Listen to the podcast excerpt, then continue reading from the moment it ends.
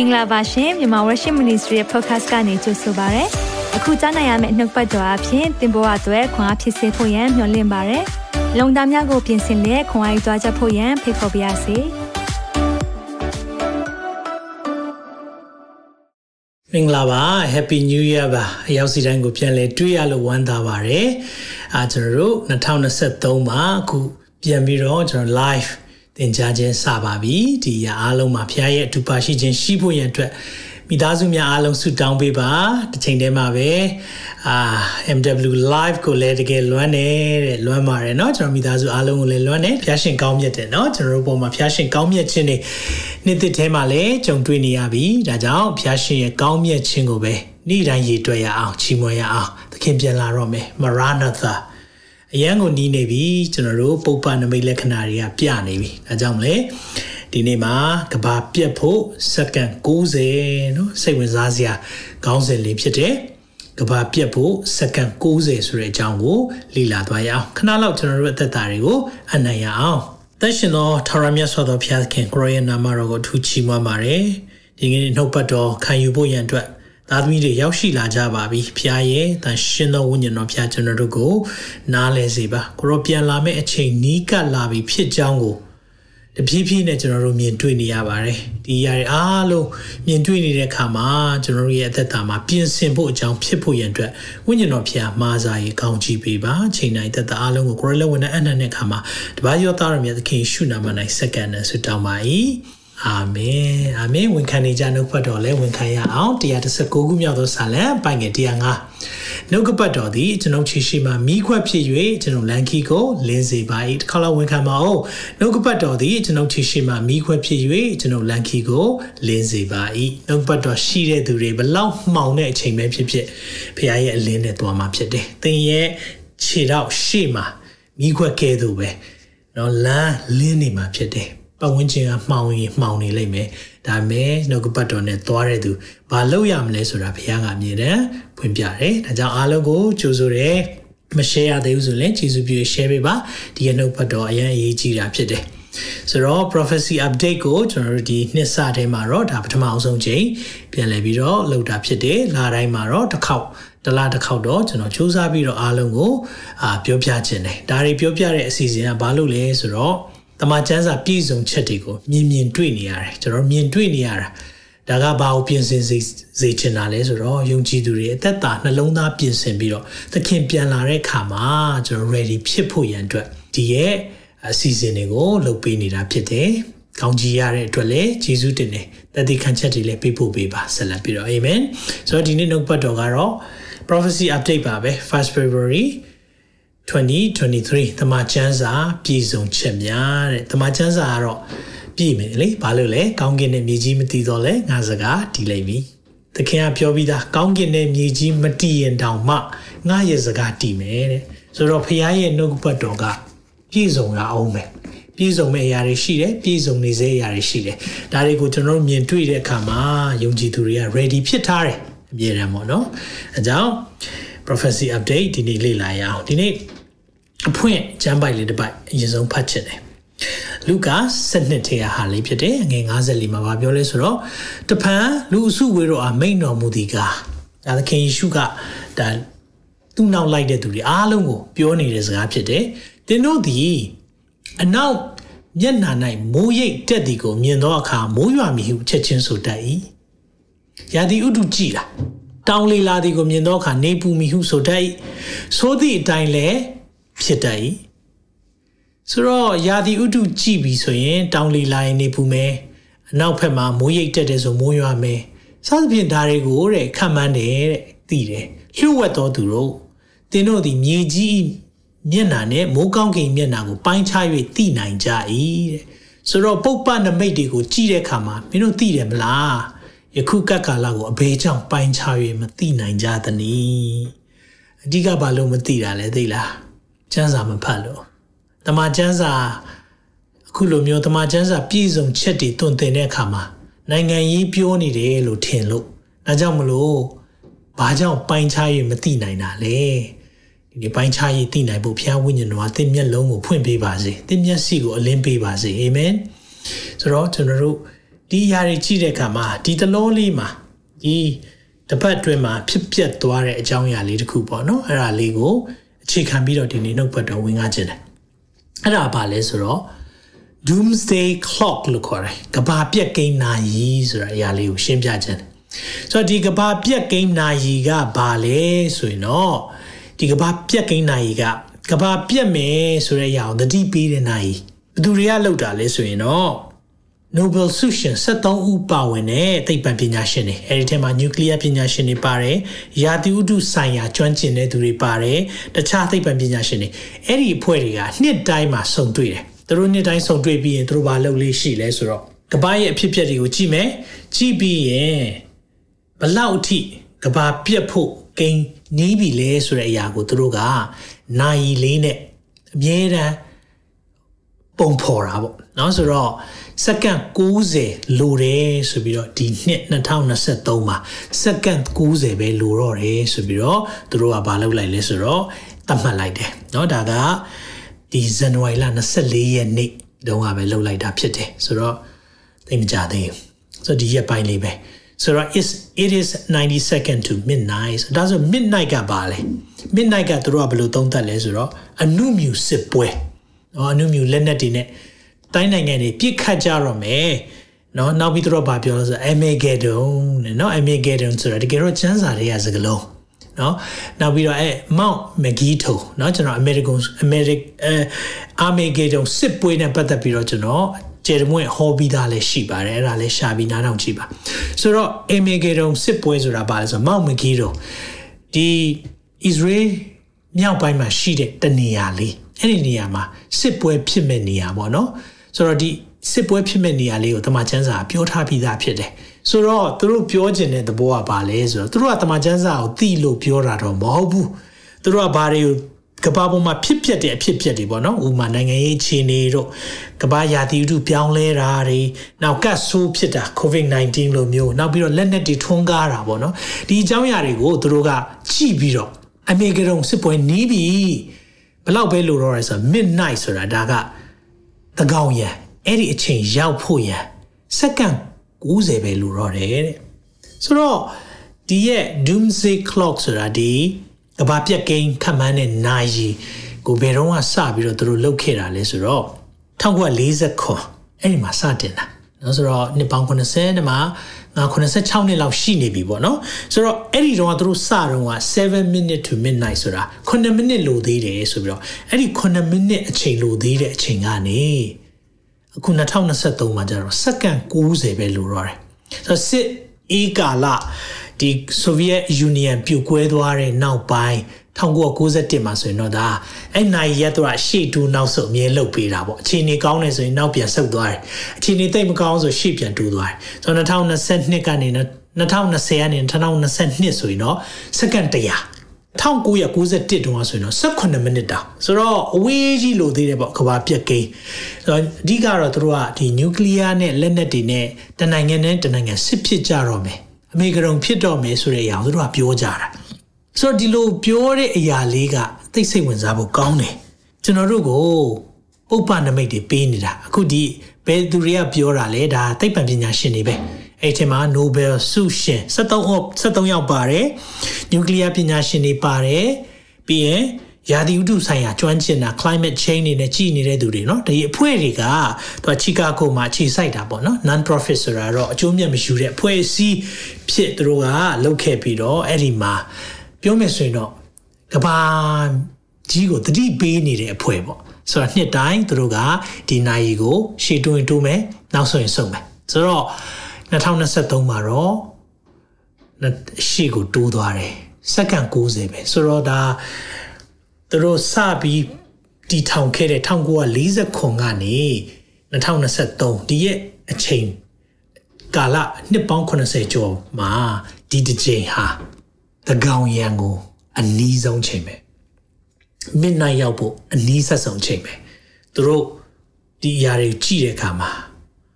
ဟာကဘာကြီးပြက်ကိန်းနျူကလ িয়ার စစ်ပွဲတွေနော်အနုမြူတွေနဲ့တန်နိုင်ငံနဲ့တန်နိုင်ငံပြစ်ကြတော့မယ်ဆိုတဲ့အရာတိတ်နီးနေပြီဒါကြောင့်ဒီလိုနီးနေတဲ့အတွက်ကြောင့်မလို့ငါတို့ကဘာကိုသတိပေးရမယ်ဆိုပြီးတော့ဒီဒီဖွဲ့ကသတိပေးတာဆိုတော့ဒါကသိပ္ပံပညာရှင်တွေ ဒီထဲမှာတော့ချမ်းစာတီးတဲ့သူရှားပါလိမ့်မယ်ဒါပေမဲ့သူတို့ကတော့ခုနကအဖွင့်မှာဖတ်ခဲ့တဲ့ကျမ်းပိုက်လိုပဲယာဒီဥဒုအခြေအနေကြည်တယ်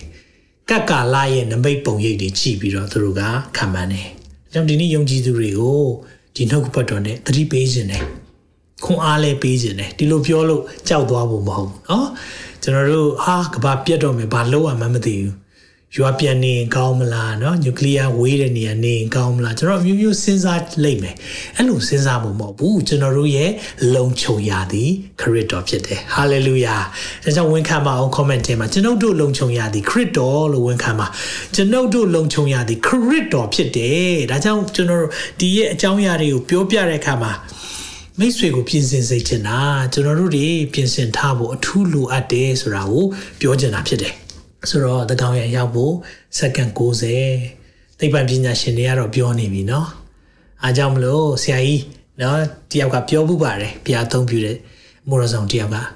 ကျန်းစာဖတ်ရင်တဲ့ကျန်းစာကိုလက်လက်ထဲမှာတစ်ဖက်ကကင်ပြီးတော့တစ်ဖက်ကသတင်းစာကိုကင်ထားဖို့လိုတယ်တဲ့ပြောချင်တဲ့ဒိတ်ပဲကပါလဲဆိုတော့သတင်းစာကိုကင်နေဆိုတာကျန်းစာရဲ့ ပြည့်စုံချက်တွေဘလောက်တောင်ပြည့်စုံနေပြီလဲဆိုတာချိန်ထိုးခိုင်းတာเนาะဆိုတော့ဒါက doomsday clock လို့ခေါ်တယ်ဒါပေမဲ့ကျွန်တော်တို့မှာရှိတာပါလေသိလား God ရဲ့ prophetic clock ဖခင်ရဲ့ prophetic clock ကလည်းနီးပြီနီးနေပြီဒါတွေကိုကျွန်တော်တို့သခင်ကသိစေခြင်းတယ်သိစေခြင်းတဲ့အခါမှာဒီຢာတွေကိုသိပ္ပံပညာရှင်တွေအားဖြင့်ကျွန်တော်တို့သတိပေးတယ်တရားဟောစရာတွေအားဖြင့်သတိပေးတယ်မိတ်ဆွေ ready လုပ်ပါကြောက်ဖို့လုံးဝမဟုတ်ဘူး ဒီနေ့ကျွန်တော်တို့ဟာပြင်ဆင်ထားတော်သူများဖြစ်တယ်နှုတ်ကပတ်တော်နဲ့အလင်းရရင်သင်ရဲ့ဘဝကလုံခြုံလိမ့်မယ်အာမင်ဆက်ပြီးတော့ကျွန်တော်ကြည့်အောင်ဆိုတော့ဒီ doomsday clock ဒီ3ဘေးနိုင်ကနှစ်တိုင်းပြောင်းတာပေါ့နော်ဆို တော့2022 2020ကနေ2022မှာစက္ကန့်100ဆိုပြီးတော့ပြောင်းတယ်မြင်ရလားမသိဘူးเนาะအဲ့ဒီထဲမှာဒုတိယတဒန်းလေးကိုကြည့်ပေးပါဒုတိယတဒန်းရဲ့ဒုတိယပုံမှာဆိုရင်เนาะ1991မှာဆို18မိနစ်ဒါအဝေးဆုံးပဲပေါ့เนาะ Soviet Union Soviet ဒီဒီ Cold War လို့ခေါ်တယ်စစ်အေးကာလပြီးဆုံးသွားတဲ့အချိန်မှာဆိုတော့အားဒါကဘာပြတ်ဖို့ရန်အတွက်ဝီးလို့သေးတယ်ဆိုပြီးတော့တို့နိုင်ကိုနောက်ပြန်ဆုပ်တယ် ဆိုတော့သူတို့နောက်ဆုပ်လိုက်ရှေ့တိုးလိုက်2မိနစ်ဖြစ်သွားလိုက်เนาะဒါတော့သူတို့ခံမှန်းတဲ့အပေါ်မှာကြည့်ပြီးတော့သွားတာပေါ့ဆိုတော့သူတို့ဘလို့တတ်မှတ်တယ်လဲဒါလည်းအရေးကြီးတယ်ဒါဒီ doomsday clock ကိုဘလို့တတ်မှတ်တယ်လဲเนาะဒီရဲ့တတ်မှတ်ချက်ကသူတို့ဘာကြည့်လဲဆိုတော့အဓိကကြည့်တာဒီ nuclear စစ်ပွဲဖြစ်နိုင်ခြင်းကိုကြည့်တာ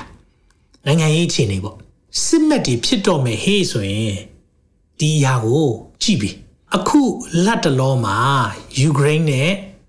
ရုရှားစစ်ပွဲဖြစ်နေတဲ့အရာကသူတို့အတွက်အများကြီးစဉ်းစားစရာဖြစ်တယ်ဒီအချက်ကိုသူတို့အဓိကဆွဲကင်ထားတာပေါ့နော်နောက်ပြီးရုရှားကလည်းနျူကလ িয়ার လက်နက်သုံးမယ်ဆိုတာမကြာခဏချင်းချောက်တယ်ပြီးခဲ့တဲ့ရက်ပိုင်းကပဲဗြိတိန်ဝန်ကြီးချုပ်ဟောင်းဘော်ရီဂျွန်ဆန်ကအင်တာဗျူးတစ်ခုမှာပြောတယ်သမရရုရှားသမရပူတင်ကသူ့ဖုန်းဆက်တဲ့အခါမှာနောက်တလူလူနဲ့ပြောတယ်တဲ့အေး ငါဗြိတိန်ကိုပြစ်ချင်10မိနစ်ပဲနော်တဲ့ပြောတယ်တဲ့10မိနစ်နဲ့ရေအောင်မြုပ်ပြစ်လို့ရတယ်သူအဲ့လိုမျိုးတွေပြောတာတွေနောက်ပြီးရင်နောက်ယူကရိန်းမှာလည်းဒါဒီနျူကလ িয়ার လက်နက်တွေသုံးသင့်သုံးရမယ်စသဖြင့်ဒီလိုပြောလာတဲ့အရာတွေပြီးတော့ပြီးခဲ့တဲ့ရက်ပိုင်းရပဲဒီရုရှားစစ်ဗိုလ်တွေကနျူကလ িয়ার လက်နက်တော့သုံးသင့်ပြီအထူးသဖြင့်အမေရိကကိုနျူကလ িয়ার လက်နက်နဲ့အဲတိုက်သင့်တယ်စသဖြင့်သူတို့တွေကပြောတဲ့ဟာတွေကို စဉ်းစားပြီးတော့အခုဒီကဘာပြက်ကိန်းနာရီကိုသူတို့ကချင့်ချိန်ပြီးတွက်တဲ့အခါမှာ2020တုန်းကတော့စက္ကန့်100လိုသေးတယ်ဒါပေမဲ့2023ရောက်တဲ့ခါမှာ90စက္ကန့်ပဲလိုတော့တယ်နော်90စက္ကန့်ပဲလိုတော့တယ်ဆိုတော့ပိုပြီးနီးလာပြီဒါကြောင့်သူတို့နိုင်ငံရေးအခြေအနေသိတယ်နောက်ပြီးကမ္ဘာရာသီဥတုပြောင်းလဲလာမှုအခြေအနေတွေအလင်းလှုပ်တာတွေ နောက်ပြီးမိတောင်ပေါက်ကွဲတာတွေ climate change ဆိုတဲ့ရာသီဥတုပူနွေးလာတာတွေဒါတွေကြည့်တယ်နောက်တစ်ခုက covid-19 လိုမျိုးကပ်ရောဂါဆိုးအခြေအနေတွေထပ်ဖြစ်လာနိုင်လားနော် Bill Gates ကတော့ပြောတယ်ထပ်ဖြစ်မှာတဲ့သူကတော့အဲ့လိုပြောတယ်နော်ဆိုတော့သူ2015လောက်ကထင်ပါတယ်အဲ့တုန်းကလည်းဒီ Bill Gates ကပြောဘူးတယ်နော်ဒီ Microsoft Computer Company ပေါ့နော်ဒီ company ကိုဒါဒီထောင်ပြီးတော့သူ ဒီရဲ့ company တတိယပြောတာပေါ့ဆို Bill Gates ဆိုတာသူကတော့ခမှန်ထားတယ်အာ covid ဖြစ်မယ် pandemic ဖြစ်ရင်ငါတို့ ready မဖြစ်ဘူးတဲ့သူကလို့ပြောတယ်သူကခုလည်းထပ်ပြောပြန်ပြီနောက်လင်းကနှစ်မှာတော့ဆက်ဖြစ်နိုင်တယ်နော်တဲ့ဆိုတော့ဒါကလည်းသမာချမ်းစာပြည်စုံတဲ့အချက်ဖြစ်တယ်ကာလနာများမယ်ဖျားပြန်မလာခင်အချိန်လေးဒုက္ခဆင်းရဲခြင်းအစမှာကာလနာများမယ်လို့ပြောထားတယ် ဆိုတော့ဒီအရာတွေကိုသူတို့ကြည့်တယ်နောက်လက်နဲ့ထွန်းကားတယ်တော့အခုရုရှားက hypersonic ဆိုတာအတန်ထက်အစပေါင်းများစွာမြန်တယ်ဒီလက်နက်တွေကိုစမ်းသပ်နေပြီနော် hypersonic လက်နက်တွေဆိုတာဆိုတော့လက်နက်တော်တော်များများဒုံးကြည့်တွေပေါ့နော်ပြစ်တဲ့ခါမှာအတန်ထက်မြန်တယ်အယံမြန်တယ်ငါးဆလောက်မြန်တဲ့ခါမှာကာကွယ်မဲ့အချိန်မရလိုက်ဘူးပေါ့ဆိုတော့ဒီအရာကတအားကြောက်ဖို့ကောင်းတဲ့အရာလည်းဖြစ်တယ်ဆိုတော့အခုမြောက်ကိုရီးယားလည်း ပြီးခဲ့တဲ့မကြသေးဘူး nuclear sun ပြန်တယ် hypersonic sun နဲ့ဒီຢာတွေစမ်းသပ်နေတဲ့ဟာကိုတို့တွေကအားလုံးကြည့်တဲ့အခါမှာဒီ nuclear ပညာရှင်တွေနောက်ရာသီဥတုကျွမ်းကျင်တဲ့သူတွေသိပ္ပံပညာရှင်အားလုံးကဟုတ်ပြီ midnight ဆိုတဲ့ nuclear စစ်ပွဲဖြစ်ဖို့အမေဂရုံဖြစ်ဖို့စက္ကန့်60ပဲလိုတော့တယ်။နိုင်ရီနဲ့တွေ့တဲ့အခါမှာအရန်နီးတာပေါ့နော်။10မိနစ်ခွဲစက္ကန့်60ဆိုတာ10မိနစ်ခွဲအရန်နီးနေပြီ။ တော့ဒါပို့ပို့ပြီးနီးလာမယ်အကြောင်းပဲရှိတယ်။ဒါနဲ့သူတို့ကတွက်တာဖြစ်တယ်။ဒါကြောင့်ဒါနဲ့တမန်ကျမ်းစာနဲ့ဘာဆိုင်တယ်လဲ။သိဆိုင်တာပေါ့။အရန်ကိုဆိုင်တယ်။ကျွန်တော်တို့အခုတမန်ကျမ်းစာမှာကျွန်တော်မကြာခဏပြောတဲ့အရာလေးတွေရှိတယ်။ prophecy update တိုင်းမှာတရားအမြဲတမ်းကြည့်တဲ့သူတွေနားလည်လိမ့်မယ် ဆိုအဲ့ဒီထဲမှာစောင့်ကြည့်ရမယ့်နိုင်ငံဆိုတာเนาะအားလုံးကျွန်တော်အမြဲတမ်းမေးတတ်ပါတယ်စောင့်ကြည့်ရမယ့်နိုင်ငံတွေရှိတယ်ဒီနိုင်ငံတွေစောင့်ကြည့်ရမယ်ဒီနိုင်ငံတွေစောင့်ကြည့်ရမယ်ဆိုတာဘာဟုတ်ပြောတာလဲရုရှားမာဂောကမာဂောကနော်ဂောကမင်းမာဂောကဘီဆိုတဲ့အရာရုရှားပြီးရင်အီရန်ပါရှယ်ပီရသီနော်ပီရသီဆိုတဲ့နာမည်နဲ့သူတို့တောက်လျှောက်နိုင်ငံကရှိခဲ့ပြီးတော့နောက်ပိုင်းမှာအီရန်လို့ပြောင်းခဲ့တာဖြစ်တယ် ပြီးရင်တော့တူရကီနော်ဂေါမာဒေါဂါမဒီရဲ့နိုင်ငံ၃နိုင်ငံကိုကြည့်တဲ့အခါမှာမိတ်ဆွေတွေ့လားအခုရုရှားကလည်းနျူကလ িয়ার လက်နက်တွေကိုသုံးသင့်သုံးမယ်ပြောလာပြီးအီရန်အီရန်နျူကလ িয়ার လက်နက်ကရှိသလောက်ဖြစ်နေပြီเนาะဆိုတော့ဒါသူတို့ကတော့ထုတ်ပြန်မှာမဟုတ်ရှိလို့ကတော့သူတို့ကတော့ပြစ်မယ်เนาะတာဝေးပြစ်တယ်ကောင်းကောင်းသူတို့ပြစ်လို့ရတဲ့အရာတွေသူတို့ရှိနေပြီဒီချိန်ထိကို ဒီအနောက်အုပ်စုရဲ့ခေါင်းဆောင်ဖြစ်တဲ့ leader of the free world လို့ခေါ်တာပေါ့နော်လွတ်လပ်တဲ့နိုင်ငံများရဲ့ခေါင်းဆောင်ဆို American သမ္မတကိုပြောတာအခုခေါင်းဆောင်မှုကအင်မတန်မှညံ့ဖျင်းပြီးတော့အားနေတဲ့ခါမှာဘာတိတာလဲဆိုတော့လူချမ်းတွေကအလုတ်လုံနေလူချမ်းတွေကအင်မတန်မှနိုင်ငံတကာစာမျက်နှာမှာနေရာယူနေတယ်ဒါတွေကိုမြင်တွေ့ရတဲ့အခါမှာဒီရဲ့ရုရှားတို့အီရန်တို့တူရကီတို့ဘာကြောင့် စောင့်ကြည့်ဖို့လိုတာလဲစောင့်ကြည့်ဖို့လိုတာဒီကျမ်းပိုက်ကြောင့်ဖြစ်တယ်ဒါဂောဂအီမာဂောဂစစ်ပွဲရေစကြီးလာ38နဲ့39ဖြစ်တယ်เนาะဒါကိုကျွန်တော်တို့ကြည့်တဲ့အခါမှာတဖန်38အငယ်တစ်ခဏနဲ့6ဖတ်ခြင်းနဲ့တဖန်သာရဖျားဤနှုတ်ကပတ်တော်ဒီငါစီတို့ရောက်လာ၍ရေစကြီးလာ prophet ရေစကြီးလာကိုဖျားကနှစ်ပေါင်း2000မှ600ကျော်ကြိုပြီးပြောထားတယ်အချင်းလူသား ယောရှပြီးမြေရှက်ပြီးတူပြီးလာပြီးဆိုရတော့မာဂောကပြီးတော့ဂောကမင်းတစ်ဖက်၌မျက်နာထား၍ prophet ပြုလျက်အရှင်သာရဖျားအိမိန်တော်ကိုဆင့်ဆိုရမိမှာယောရှမြေရှက်တူပြီးလာပြီးဆိုရတော့အိုဂောကမင်းတင်းတစ်ဖက်နိုင်ငံနေ၏တင့်ကိုငါပြန်လာစေမည်အခုရုရှားတိုးတက်ဖို့ရုရှားကြီးစိုးဖို့ရုရှားဒီကမ္ဘာစာမျက်နှာမှာပြန်ပြီးတော့အခုလိုမျိုးပေါ့နော်ဖြစ်လာဖို့ဆိုရတမန်ကျမ်းစာပြောထားပြီးသား တင့်ကိုငါပြန်လာစေမည်ဒါဖရားရဲ့လုပ်ရက်တွေဖြစ်တယ်။ဘာကြောင့်လဲတင့်ပါယုတ်ကိုတန်ချင်းနဲ့ချိတ်ပြီးလင်ဖရားဆွဲခေါ်လာတာတင်မဆိုင်ထူးဆန်းသောလက်နဲ့ဆိုအမျိုးမျိုးကိုစောင့်တော်သူဒိုင်းလွှားပါ၍ဓာကိုဆွဲကင်သောလူအလုံးရင်းများနဲ့မြင်းမြင်းစည်းတည်းရဲ့ဘိုးချီအပေါင်းတို့ကိုငါဆောင်ခဲ့မိခေါ်လာမယ်တဲ့တခြားလူတွေပါလာမယ်ဆိုတော့ coalition လို့ခေါ်တယ် coalition ဆိုတာဘာလဲဆိုတော့ညွန့်ပေါင်းတပ်ဖွဲ့တွေပေါ့နိုင်ငံတွေပေါင်းပြီးတော့ တိုက်မဲ့အရာဘယ်သူ့ကိုတိုက်မှာလဲ Israel ကိုတိုက်မှာ Israel ကိုတိုက်မဲ့အဖွဲ့ဘယ်သူတွေပါလဲငယ်ငါ့ကိုကြည့်ပေးပါတိတိတိုင်းလောက်က၍တန်ခမောက်လုံးကိုစောင်းတော့ပေရတိပီတာပြောကြည့်ပါပေရတိပီတာဘာရှဘာပြောရလဲအီရန်အီရန်ရဲ့အခြေအနေ ဒီလိုမျိုးဖြစ်လာမယ်ဆိုရင်တမန်ကျမ်းစာပြောပြီးပြီကုရှလီဗီယာကိုပြောတာเนาะဖူတာပီတာအကုရှာကအီသီယိုးပီးယာကိုပြောတာဖြစ်တယ် sorry ဖူတာလီဗီယာ ဂေါမာနဲ့သူဤတက်မြမြောက်ပီတာတောဂါမအဲ့ဒါကတူရကီကိုပြောတာဖြစ်တယ်သူဤတက်မြအလုံးစုံအပေါင်းတို့သူတင်းနဲ့အတူလိုက်လာကြလိမ့်မည်ခုရက်ပိုင်းနေမှာသတင်းဖွင့်လိုက်တိုင်းမှာဘာတွေပဲတွေ့နေလဲဆိုရင်တော့အီရန်ကရုရှားကိုကူဖို့ drone တွေပို့လိုက်တယ်နော်အီရန်လေရင်တော်တော်များများခောက်တုံခောက်ပြန်တဲ့အသွားပြန်လုပ်နေတယ်ရုရှားလည်းအီရန်ကိုနျူကလ িয়ার နဲ့ပတ်သက်ပြီးတော့ကူညီမှုတွေ ပြုလုပ်နေတယ်ဆိုတဲ့သတင်းတွေခဏခဏကြားတယ်ဆိုတော့ဒီအဖွဲ့တွေကအရင်တော့တဲ့ခဲ့တာမဟုတ်ဘူးဒါပေမဲ့အခုချိန်မှာအရန်ပေါင်းနေတာတွေ့ရတယ်နော်အဲ့ဒီမှာတရုတ်လည်းပါတယ်ဆိုတော့တရုတ်ကကျွန်တော်ယုံကြည်ပါတယ်ဘာလဲဆိုတော့ရှေ့ပြည်ကလာမဲ့နော်နှစ်အသင်ချေကျန်းစာနှစ်အသင်ချေဆိုတာ200 million ဆိုတာတန်း200ရဲမဲ့တန်း200ခေါ်လာမယ်တဲ့အဲ့ဒါပြီးရင်နော် Euphrates နော်ဥဖရမြစ်ကိုဖြတ်မယ်ဥဖရမြစ်ခန်းချောက်မယ်ဒီအကြောင်းလဲနောက်ပိုင်းမှာကျွန်တော်ပြောပြမယ်အခုချိန်မှာဒါတွေပဲကျွန်တော်တွေ့နေရတယ်အဲ့လိုတွေ့နေရတဲ့အချိန်မှာနားလည်လိုက်ပါဒီရေစကြည်လစစ်ပွဲဖြစ်ဖို့တအားနီးနေပြီနီးနေပြီဆိုတဲ့အရာကိုကျွန်တော်တို့ပြောလာတာအခုဆိုရင်နော်တစ်နှစ်ကျော်နှစ်နှစ်ပြောလာတယ်ပိုပိုပြီးတော့တင်းမာမှုတွေတွေ့ရတယ်ပိုပိုပြီးတော့ဒီရုရှားအီရန် တူရကီစီးလုံးမှုတွေပိုတွေ့ရတယ်တစ်ချိန်တည်းမှာပဲအစ္စရေးပေါ်မှာပိုပိုပြီးတော့သူတို့တွေ hostile ဖြစ်တယ်ဆိုတာအရန်ကိုပြင်းထန်တဲ့မုန်းတီးမှုတွေပိုပြီးများလာတယ်နော်ဆိုတော့အမေရိကကိုအီရန်ဘယ်လိုခေါ်လဲဆိုတော့ big satan လို့ခေါ်တယ်စာတန်အကြီးတဲ့ Israel ဘယ်လိုခေါ်လဲဆိုတော့ small satan စာတန်အငယ်တဲ့ဆိုတော့သူတို့မြေပုံကနေ Israel ကိုဖျောက်ပစ်မယ်ဒါသူတို့ပြောပြီးသား death to America America သိပါစေ death to Israel Israel သိပါစေဒါကိုသူတို့အမြဲတမ်းကြုံဝါနေတဲ့နိုင်ငံဖြစ်တယ်ဆိုတော့အခုချိန်မှာပို့ပို့ပြီးတော့ဆိုလာပြီအထူးသဖြင့်တော့အီရန်ကနျူကလ িয়ার လက်နက်ပိုင်ဆိုင်ဖို့ရန်အတွက်ဖြစ်နေပြီဆိုတော့ကျွန်တော်ဒီစစ်ပွဲဘယ်ချိန်ဖြစ်မလဲအဲ့ဒီနျူကလ িয়ার မရဖို့ရန်အတွက်အစ္စရေးကလည်းအကြီးကျယ်စ조사တယ်သူတို့ဘက်ကနေရလို့မဖြစ်ဘူးနျူကလ িয়ার အီရန်သားနျူကလ িয়ার ရသွားခဲ့ရင်ဘာလို့လဲဆိုတော့အမေရိကကလည်းအခုချိန်မှာအားကိုးလို့မရဘူးအစ္စရေးအတွက်အားပေးချင်တဲ့ချက်ဒါပေမဲ့သူတို့ကတော့ပြောပြီးသားဖြစ်တယ်အနောက်အုပ်စုပါပါမပါပါအီရန်နျူကလ িয়ার လက်နဲ့ရသွားမှသူတို့ဘယ်တော့မှအဖြစ်မခံဘူးဒါကြောင့်မလို့အီရန်ကိုတိုက်မယ်သူတို့ပြောတယ်ပြီးခဲ့တဲ့ရက်ပိုင်းမှာဘာဖြစ်လဲကျွန်တော်ကြည့်အောင်နော်ဒါ January လဆိုတော့နှစ်စလေးမှာပဲဘာဖြစ်သွားလဲဆိုတော့ဒီ Syria လေစိတ် Damascus လေစိတ်ကိုတိုက်တယ် နော်ဝင်ပစ်သွားတယ်အာ Israeli ရင်းတွေဝင်ပစ်သွားတယ်ဘာလို့ဝင်ပစ်သွားလဲဆိုတော့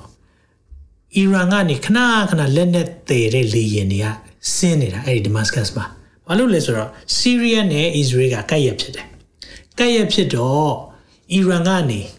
ဘသူတွေကိုအသုံးပြုနေလဲဆိုတော့ Hezbollah လို့ခေါ်တယ်နော်ဒီ Lebanon ဖက်မှာကြီးဆိုးတဲ့အုပ်စုရှိတယ် နောက်ပြီးရင်ဆီးရီးယားထဲမှာရှိတဲ့အုပ်စုတွေကိုအီရန်ကထောက်ပံ့တာလက်နက်တွေနဲ့ပို့ပို့ပေးတယ်အဲဒီထဲမှာဆိုရင် PGM เนาะ precision guided missile ဆိုတာထိန်းချုပ်လို့ရတယ်ပြစ်ပြစ်မှတ်တွေကိုတေးချကွန်ပျူတာနဲ့ထိန်းချုပ်ပြီးတော့ထိအောင်ပြစ်လို့ရတဲ့အရာတွေရှိတယ်အဲ့ဒီလက်နက်တွေကိုပို့ကျင်တာပို့ကျင်တော့ဒီတိုင်းပို့ရင် Israel ကသတင်းခဏခဏရပြီးတော့ဖျက်ဆီးပေးတယ်ဆိုတော့ပို့ခံလို့မဖြစ်ဘူးနောက်ပြီးရင် သူတို့လက်နက်စက်ရုံတွေစီးရီးယားထဲမှာအများကြီးရှိနေပြီအဲ့ဒီမှာလက်နက်ထုတ်တော့မယ်ဆိုရင် Israel ခဏခဏဝင်ပြီးတော့ပြစ်တာပေါ့နော်အဲ့လိုပြစ်တဲ့အခါမှာအခုဒီ Damascus Damascus Damascus ပေါ့နော်ကျန်းစာမှာဆိုရင် Damascus မြို့အဲ့ Damascus မြို့ကပြစ်စီအောင်မယ်ဆိုတော့ Damascus မြို့ပြစ်စီမဲ့အကြောင်းလဲကျန်းစာတွေကကြိုပြောထားတယ်ဆိုတော့ဒီမှာတော့လေစိတ်ကိုပြစ်သွားတဲ့အခါမှာတော်တော်လေးထိခိုက်သွားတယ်သူတို့လေစိတ်တောင်ပိတ်လိုက်ရတယ် ပြီးတော့အခုတော့ပြန်ဖွင့်နေပြီပေါ့နော်ဒါ reopen ဆိုတော့ပြန်ဖွင့်နေပြီ serious soldier လဲအဲ serious စစ်သားတချို့လဲတည်သွားတယ်တဲ့နော်ဆိုတော့ဒါတွေတွေ့ရတယ်အဲ့တော့ဒါတွေဝင်ဖြစ်တာ Israel ကဒီနှစ်စပိုင်းမှာလုပ်တယ်အဲ့ဒါပဲမဟုတ်ဘူးဘယ်မှာလဲဆိုတော့ Syria Iraq border မှာပေါ့ Iran ကပို့လိုက်တဲ့လက်နက်တင်ပို့တဲ့ trucker အကြီးကြီးတွေနဲ့လက်နက်တွေတင်ပို့တယ်အဲ့ဒီတင်ပို့တဲ့လက်နက်တင်ပို့တဲ့အောက်စာကိုကြားဖြတ်ပေါ့နော် လီလေရင်နဲ့ဝင်ပြီးပြစ်တယ်ဒီလိုဝင်ပြီးပြစ်တဲ့အရာတွေကအခုဆိုရင်ဒီမှာဗာပြောလဲဆိုတော့နော် Tehran ဆိုတာအီရန်ကိုပြောတာပေါ့နော်မြို့တော်နာမည်ကိုသုံးလို့ရှိတယ်သူတို့ weapon တွေကိုပို့တာဘယ်သူစီပို့လဲဆိုတော့ Lebanon Lebanon နိုင်ငံမှာရှိတဲ့ Hezbollah အဲ့ဒီ Hezbollah ကနော် Israel ကိုအမြဲတမ်းချောင်းနေတဲ့အုပ်စုဖြစ်တယ်နော်သူတို့ကလည်းအဲ့ဒီမှာလက်နဲ့တင်ပို့လိုက်တဲ့ ဒီ truck ကားတွေ25စီးမှာ6စီးလောက်တော့ပြစ်နိုင်တယ်ပေါ့နော်ကောင်းကောင်းဖြတ်စီလိုက်တယ်ဆိုတော့အရေးကြီးတဲ့ဥစ္စာလည်းဖြစ်နိုင်ပါတယ် Israel ရဲ့ထောက်လှမ်းရေးကအင်မတန်မှထက်မြက်တာဖြစ်တယ်နော်ဆိုတော့သူတို့သတင်းရလို့ဒီຢာတွေကိုလှုပ်တာဖြစ်တယ်ဆိုတော့ဒါမျိုးတွေလှုပ်တဲ့အခါမှာပို့ပြီးတင်ပါတယ်ဒါပဲမဟုတ်ဘူးပို့ဆူးသွားတာကဘာလဲဆိုတော့ပြီးခဲ့တဲ့ဒါမကြသေးဘူးเนาะပြီးခဲ့တဲ့ရက်ပိုင်းတုန်းကပဲဒီဒီဘာဖြစ်သွားလဲဆိုတော့အီရန် ထဲမှာရှိတဲ့ဒီလက်နက်စက်ရုံကို Israel က drone နဲ့ဝင်ပြီးပစ်သွားဆိုတော့ drone နဲ့ဝင်ပြီးပစ်လိုက်တဲ့အခါမှာတော်တော်လေးတော့အဲ့မှာပျက်စီးပုံရတယ်ဒါပေမဲ့သူတို့ကတော့ဘာမှတိတ်ထိထိရရပျက်စီးတာမဟုတ်ဒါပေမဲ့ထူးခြားတာလေးကဘာလဲဆိုတော့အဲ့ဒီပြစ်တဲ့ဥစ္စာကိုရုရှားအင်မတန်မှစိတ်ဆိုးတယ်နော် provocative နော် provocative provocative ဆိုတဲ့အဓိပ္ပာယ်ကဘာလဲဆိုတော့ ရန်စတဲ့အရာဖြစ်တယ်တဲ့ဒီ drone နဲ့တိုက်တဲ့ဥစ္စာကရန်စတာပဲဆိုပြီးတော့အဲ့ဒီထဲမှာထပ်ပြောထားတာရှိသေးတယ်ဘာပြောလဲဆိုတော့အရှိအလေပိုင်းမတည်ငြိမ်အောင်လှုပ်ဆောင်နေတာဖြစ်တယ်ရုရှားကပြောတာနော်ဆိုတော့ဆိုတော့သူတို့ပဲယူကရိန်းကိုပြစ်နေပြီးတော့เนาะအခုကျတော့အရှိလေပိုင်းမှာမတည်ငြိမ်မှုเนาะကဘာမှာမတည်ငြိမ်မှုဖြစ်နေတာဖြစ်တဲ့အတွက်ကြောင့်မလို့တဲ့ဆိုတော့ဘာပြောလဲဆိုတော့တွက်ချက်လို့မရနိုင်အောင်ဖြစ်လာမယ့်ဆိုးကျိုးတွေရှိနိုင်တယ် တဲ့တွက်ချက်လို့မရနိုင်တဲ့ဆိုးကျိုးတွေရှိနေဆိုတော့ဘာလုပ်မလဲတော့မသိဘူးပြောချင်တဲ့သဘောက Israel ကိုသတိပေးနေပြီတော်တော်လေးသတိပေးနေပြီဆိုတော့ကျွန်တော်တို့သိတယ်ဒါသတိပေးတာနဲ့ပြီးတော့မမုံနောက်ဆုံးမှာရုရှားဦးဆောင်ပြီးတော့အီရန်ပါမယ်တူရကီပါမယ်ပြီးတော့စတန်နိုင်ငံတွေပါမယ်အဲ့ဒီနိုင်ငံတွေက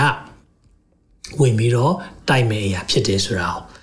သိထားမယ်เนาะဒါလေးဒါလေးသိထားဖို့လိုတယ်ဒါကြောင့်အခုဒီမှာ ရုရှားကနောက်ဆုံးအီရန်ထဲမှာ Israel drone နဲ့ဝင်ပစ်တဲ့အရာကို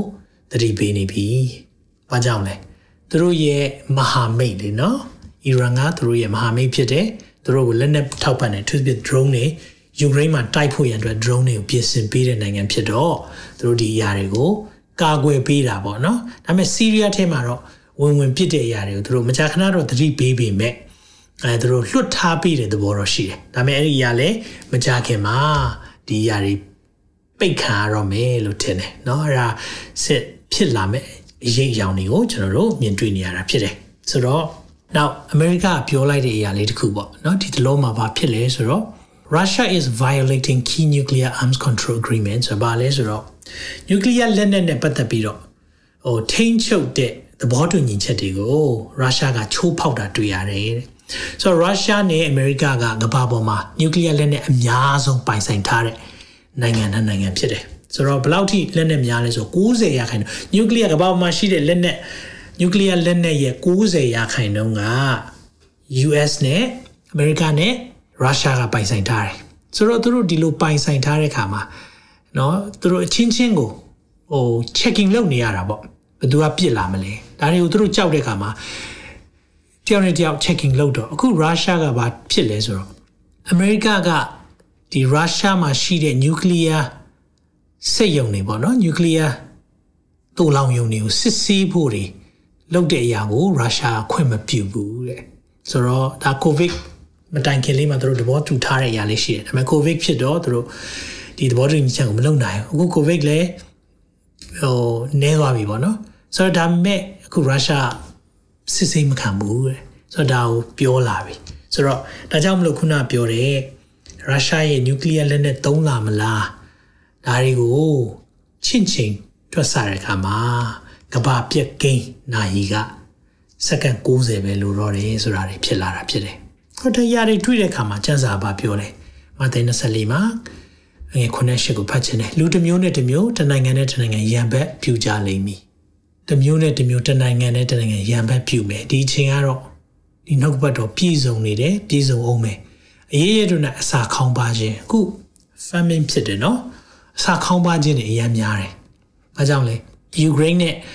ရုရှားကနေတင်ပို့တဲ့ဒီဂျုံကကမ္ဘာရဲ့တင်ပို့မှုမှာသူတို့သုံးပုံတစ်ပုံလောက်ကသူတို့ကတာဝန်ယူထားတာပေါ့သူပြယူကရိန်းကဆိုတော့ဒါတွေတင်ပို့လို့မရတော့ဘူးဖြစ်တဲ့အခါမှာခု size အခေါင်ပါတယ် နောက်တစ်ခုက inflation ဆိုတော့เนาะအခုကျွန်တော်တွေ့တဲ့ငွေကြေးဖောင်းပွားမှုကလည်းတနည်းအားဖြင့်လူတွေအတွက်ခက်ခဲမှုဖြစ်စေတယ်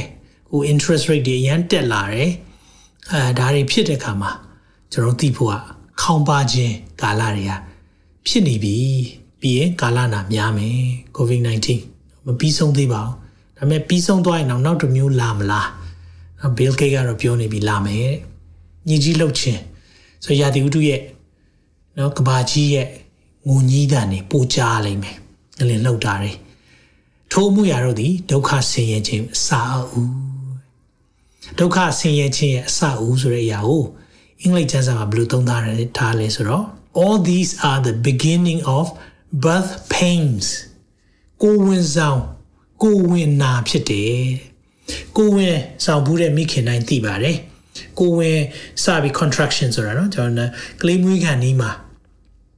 နာကျင်တဲ့နာကျင်မှုอ่ะနာတယ်ဒါပေမဲ့ကျဲသေးတယ်ဒါပေမဲ့အချိန်နီးလာလေလေကလေးမွေးဖို့နီးလာလေလေပို့ပြီးနာလာတယ်ပို့ပြီးတော့နာကျင်မှုအချိန်ကလည်းစိတ်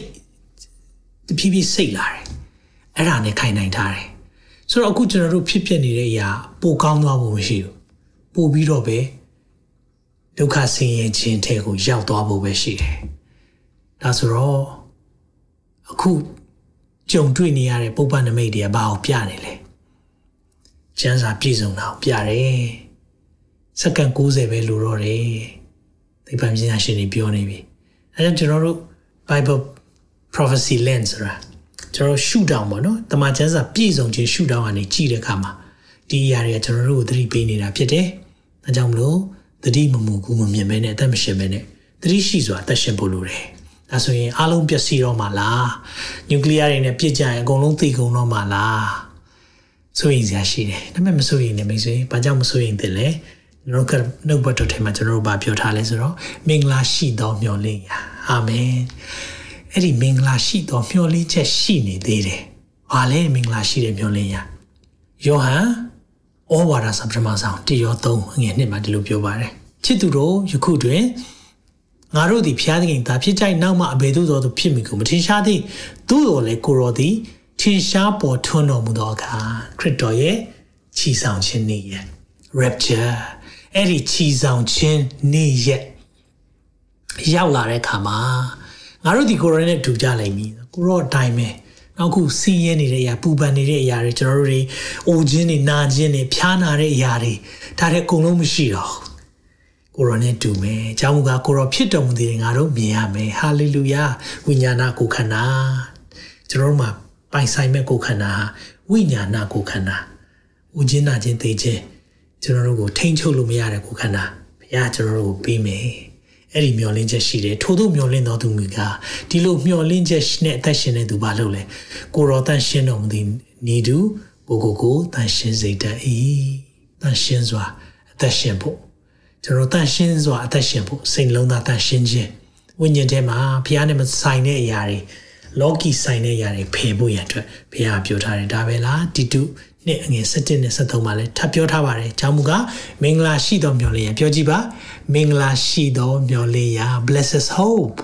ကို၎င်းကြီးမြတ်သောဘုရားသခင်တည်ယူသောငါတို့ကိုကယ်တင်တော်မူသောအရှင်သခင်ယေရှုခရစ်၏ဘုန်းတည်ရတော်ထင်ရှားပေါ်ထွန်းခြင်းကို၎င်းသင်တို့သည်မျှော်လင့်လျက် အဲ့လိုမျောလင့်နေဆိုဘလို့နေမလဲဖျားမဲ့တရားမဲ့နေခြင်းမလုပ်ဘူးတဲ့လောကီတတ်မှတ်ခြင်းကိုပေရှာပြီးယခုဘဝ၌အိန္ဒြေဆောင်ခြင်းတရားသဖြင့်ကျင့်ခြင်းဖျားဝတ်၌မှု့လျော်ခြင်းတို့ကိုပြုနေမိအကြောင်းငါတို့ကိုဆုံးမတော်သည်၍လူပေါင်းတို့ကိုကယ်တင်တတ်သောဖျားသခင်ကြီးစွတော်သည်ထင်ရှားပေါ်ထွန်းလျက်ရှိ၏ဟာလေလုယာ ဒီနေ့မျောလင့်ချက်ရှိတယ်မိတ်ဆွေမျောလင့်ချက်ပြတ်သွားမှာမဟုတ်နျူကလ িয়ার လက်နက်တွေနဲ့ပြစ်ခတ်တော့မယ်အဲ့ဒါအမေဂေဒုံ second coming ဆိုတာခရစ်တော်ရဲ့ဒုတိယအကြိမ်ကြွလာတဲ့အခါမှာဖြစ်မဲ့အရာဒီမတိုင်ခင်လေးမှာယုံကြည်သူတွေအားလုံးကိုချီဆောင်သွားမှာမိတ်ဆွေမကြောက်နဲ့ဒါပေမဲ့သင်ခရစ်တော်ကိုမရထားဘူးဆိုတော့ကြောက်ဖို့လိုတယ်ဒီအချိန်မှာအရင်စင်ကြရမယ်ဟာသိပ္ပံပညာရှင်တွေပြောနေပြီကမ္ဘာရဲ့အခြေအနေတွေကြီးတဲ့အခါမှာဖြစ်ပျက်တဲ့အရာတွေကကမ္ဘာပြတ်တော့မဲ့ဂိမ်းတွေပေါ်နေပြီဒါဆိုငါဘာလုပ်တင်လဲ ဒီနေ့ပြောပြမယ်သင်မှာမျှော်လင့်ချက်ရှိတယ်တခြားမဟုတ်ဘူးယေရှုခရစ်တော်ဖြစ်တယ်သခင်ယေရှုခရစ်တော်ဟာဖခင်ဖြစ်တယ်ဒီဖခင်ဟာပြန်လာမဲ့ဖခင်ဖြစ်တယ်ကျွန်တော်တို့ကိုပြန်လဲချီဆောင်မဲ့ဖရားဖြစ်တယ်သူ့ကိုလက်ခံထားတယ်သူရဲ့အသေးခံခြင်းကိုလက်ခံတယ်သင်ဟာအပြစ်သားဖြစ်တယ်လို့ယုံကြည်တယ်ဆိုရင်အဲ့ဒီသူတို့ကယ်တင်ခြင်းရှိတယ် ကယ်တင်ခြင်းရှိတယ်မိတ်ဆွေအချိန်မနှောင်းသေးဘူးသင်ကျွန်တော်အတန်ကိုဒီနေ့ကြားတယ်အခုချိန်မှနားထောင်နေတယ်ဆိုရင်သင်ဘာသာခြားဖြစ်ကောင်းဖြစ်မယ်ဓမ္မမိတ်ဆွေဖြစ်ကောင်းဖြစ်မယ်ဒါပေမဲ့စိတ်ဝင်စားလို့နားထောင်နေရင်သင်နှလုံးသားထဲမှာတစ်ခုခုခံစားရတယ်တခြားမဟုတ်ဘူးသခင်ယေရှုခရစ်တော်အသင်ကိုစကားပြောနေတာသင်ရဲ့နှလုံးသားကိုတကားခေါင်နေတာဝင်ဝင်ပေးမလားဝင်ခွင့်ပေးမယ်ဆိုရင်တော့ဒီဟာသင်တို့သင်သင်တို့အမတန်မှကောင်းမွန်တဲ့နေ့ဖြစ်တယ်။ဒါကြောင့် ဒီနေ့ခရစ်တော်ကိုလက်ခံခြင်းနဲ့အချိန်တိုင်းမနှောင်းသေးဘူးဒီနေ့ဟာကေတီယာနေ့ဖြစ်တယ်။ဘာလို့ဖို့လို့လဲ။သင်ဟာပြစ်သားဖြစ်ကြောင်းဝန်ခံပါ။အပြစ်တရားရဲ့အခါကြောင့်သိခြင်းဖြစ်တယ်။ဒါကြောင့်လူတွေသိတာ။လူတွေတရားမှတရားသိတယ်။ဆယ်ယောက်မှဆယ်ယောက်သိတယ်။ဘာကြောင့်သိတာလဲ။ကျမ်းစာပြောတယ်အပြစ်တရားရဲ့အခါအပြစ်ကြောင့်ပေးရတဲ့အခါဖြစ်တယ်။ဒါပေမဲ့အဲ့ဒါမှပြီးဘူးဖျားသခင်ပေးတော်မူတဲ့ ဂျေဇုတော်တဲ့သာဝရအသက်ဖြစ်တယ်တဲ့။ဒီနေ့ကျွန်တော်တို့မှာသိပေမဲ့အဲ့ဒီနောက်ွယ်မှာသိခြင်းရဲ့နောက်ွယ်မှာမျောလင်းချက်ရှိတယ်မိတ်ဆွေ။အဲကြောင့်ကျွန်တော်တို့အဲ့ဒီမျောလင်းတာတခြားမဟုတ်ကျွန်တော်တို့ဖြစ်သားရှိဖြစ်တယ်ဆိုတာဝန်ခံတယ်ခရစ်တော်ရှေ့မှာတောင်းပန်ဝင်ချတယ်ကျွန်တော်အဖြစ်တွေကျမအဖြစ်တွေခွင့်လွှတ်ပေးပါအဲ့လိုဝင်ချတောင်းပန်တဲ့အချိန်မှာတော့သင်ရဲ့ဘဝတစ်ခုလုံးဟာ ထာဝရအသက်ဆိုရယ်ဘယ်တော့မှမသိနိုင်နဲ့ဘယ်တော့မှအိုခြင်းနာခြင်းသိခြင်းမရှိတော့မဲ့အရာကိုဖျားပေးခြင်းတယ်သင်လက်ခံမလားလက်ခံမယ်ဆိုကျွန်တော်နောက်ကနေယေရှုပြည့်လိုက်ဆိုပေးပါကျင်နှလုံးသားလာတဲ့ဆူတောင်းချက်ခဲ့သူပဲကျွန်တော်စကလုံးဖြစ်ပေမဲ့သင်နှလုံးသားထဲကနေတောင်းတဲ့ဆူတောင်းတဲ့ဖြစ်ပါစေနောက်ကနေယေရှုပြည့်လိုက်ဆိုပေးပါသခင်ယေရှုခရစ်တော်ဖျားကျွန်ုပ်ဟာအပြစ်သားဖြစ်ပါတယ် အပြစ်တရားရဲ့အခါဟာသိခြင်းဖြစ်ပါတယ်ကျွန်ုပ်အပြစ်ကြောင့်ငရဲသွားရဖို့ရှိပါတယ်သို့ပေမဲ့လည်းဖခင်ရဲ့မြတ်တာကြောင့်သခင်ယေရှုအားဖြင့်လဝါကားတိုင်းမှာကျွန်ုပ်ရဲ့အပြစ်ကြွေကိုဆက်ပေးကြောင်းဒီကနေ့မှသိရပါပြီကျွန်ုပ်အပြစ်အားလုံးကိုဝင်ချတောင်းပန်ပါတယ်သခင်ယေရှုခွင့်လွှတ်ပေးပါကိုရောကို ကျွန်ုပ်ရဲ့နှလုံးသားထဲမှာခေါ်ဖိတ်လက်ခံပါတယ်ကိုရောဖြစ်စေခြင်းနဲ့အသက်တာနဲ့အသက်ရှင်ပါတော့မယ်လို့ဒီကနေ့မှာသခင်ယေရှုနာမ၌ဆုတောင်းပါတယ်အာမင်မိတ်ဆွေဒီဆုတောင်းချက်ကိုစိတ်လုံးသားအကျွမ်းမဲ့နဲ့ဆုတောင်းနေဆိုရင်သင်ဟာဒီကနေ့ဟာသင်ကယ်တင်ခြင်းရတဲ့နေ့ဖြစ်တယ်ဆက်လက်ပြီးတော့မြန်မာ worship ရဲ့သင်ကြားချက်တွေကိုလေ့လာတော့ပါနားထောင်ပါ ဘယ်လိုမျိုးအသက်ရှင်ရမလဲဘုရားကနှုတ်ကပတ်တော်နဲ့ကျွန်တော်တို့ကိုသွန်သင်သွားမှာဖြစ်တယ်ဟာလေလုယာဘုရားရှင်ရန်ကောင်းမြတ်တဲ့ဒီကနေ့ပါဝင်တဲ့အတွက်ယေရှုတင်နဲ့ကြည်ရှုတဲ့သူအားလုံးပေါ်မှာဘုရားရှင်ထူကောင်းကြီးပေးပါစေကျွန်တော်ဆုတောင်းခြင်းအဖြစ်ပဲအဆုံးသတ်သွားမှာဖြစ်ပါတယ်ထာဝရဘုရားတည်ခြင်းကိုကောင်းချီးပေး၍ဆောင်မတော်မူပါစေသော ထာဝရဘုရားသည်တင်နိုင်မျက်နာတော်အလင်းကိုလွှတ်၍ကိူနာဂျေဇုပြုတော်မူပါစေသောထာဝရဘုရားသည်တင့်ကိုမျှော်ကြည့်၍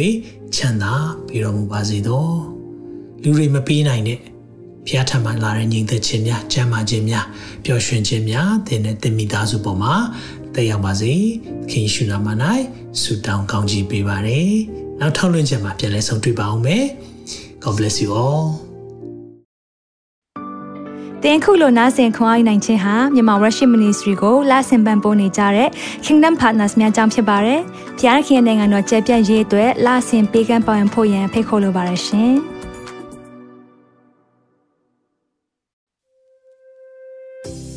အခုကြားနာခဲ့ရတဲ့နှုတ်ပတ်တော်အဖြစ်ခွန်အားရရှိမဲ့လို့ယုံကြည်မျှော်လင့်ပါတယ်။ခွန်အားရဆိုလို့ရှိရင်ဒီတစ်ပတ်နဲ့ပြန်လည်ဝင်မြပေးဖို့ရန်တောင်းဆိုပါရစေ။ မြန်မာ Worship Ministry ရဲ့ website myanmarworship.com ကိုလည်းလာရောက်လေ့လာဖို့ရန်အတွက်ဖိတ်ခေါ်ချင်ပါတယ်။တစ်ချိန်တည်းမှာမြန်မာ Worship Ministry ရဲ့ social media platform များဖြစ်တဲ့မြန်မာ Worship YouTube Channel, မြန်မာ Worship Facebook Page နဲ့မြန်မာ Worship Instagram များကိုလည်းလာရောက်လေ့လာဖို့ရန်အတွက်ဖိတ်ခေါ်ချင်ပါတယ်။နောက်တစ်ချိန်မှာပြန်လည်ဆုံတွေ့ကြပါစို့။ဖျားရှင်ကောင်းကြီးပေးပါစေ။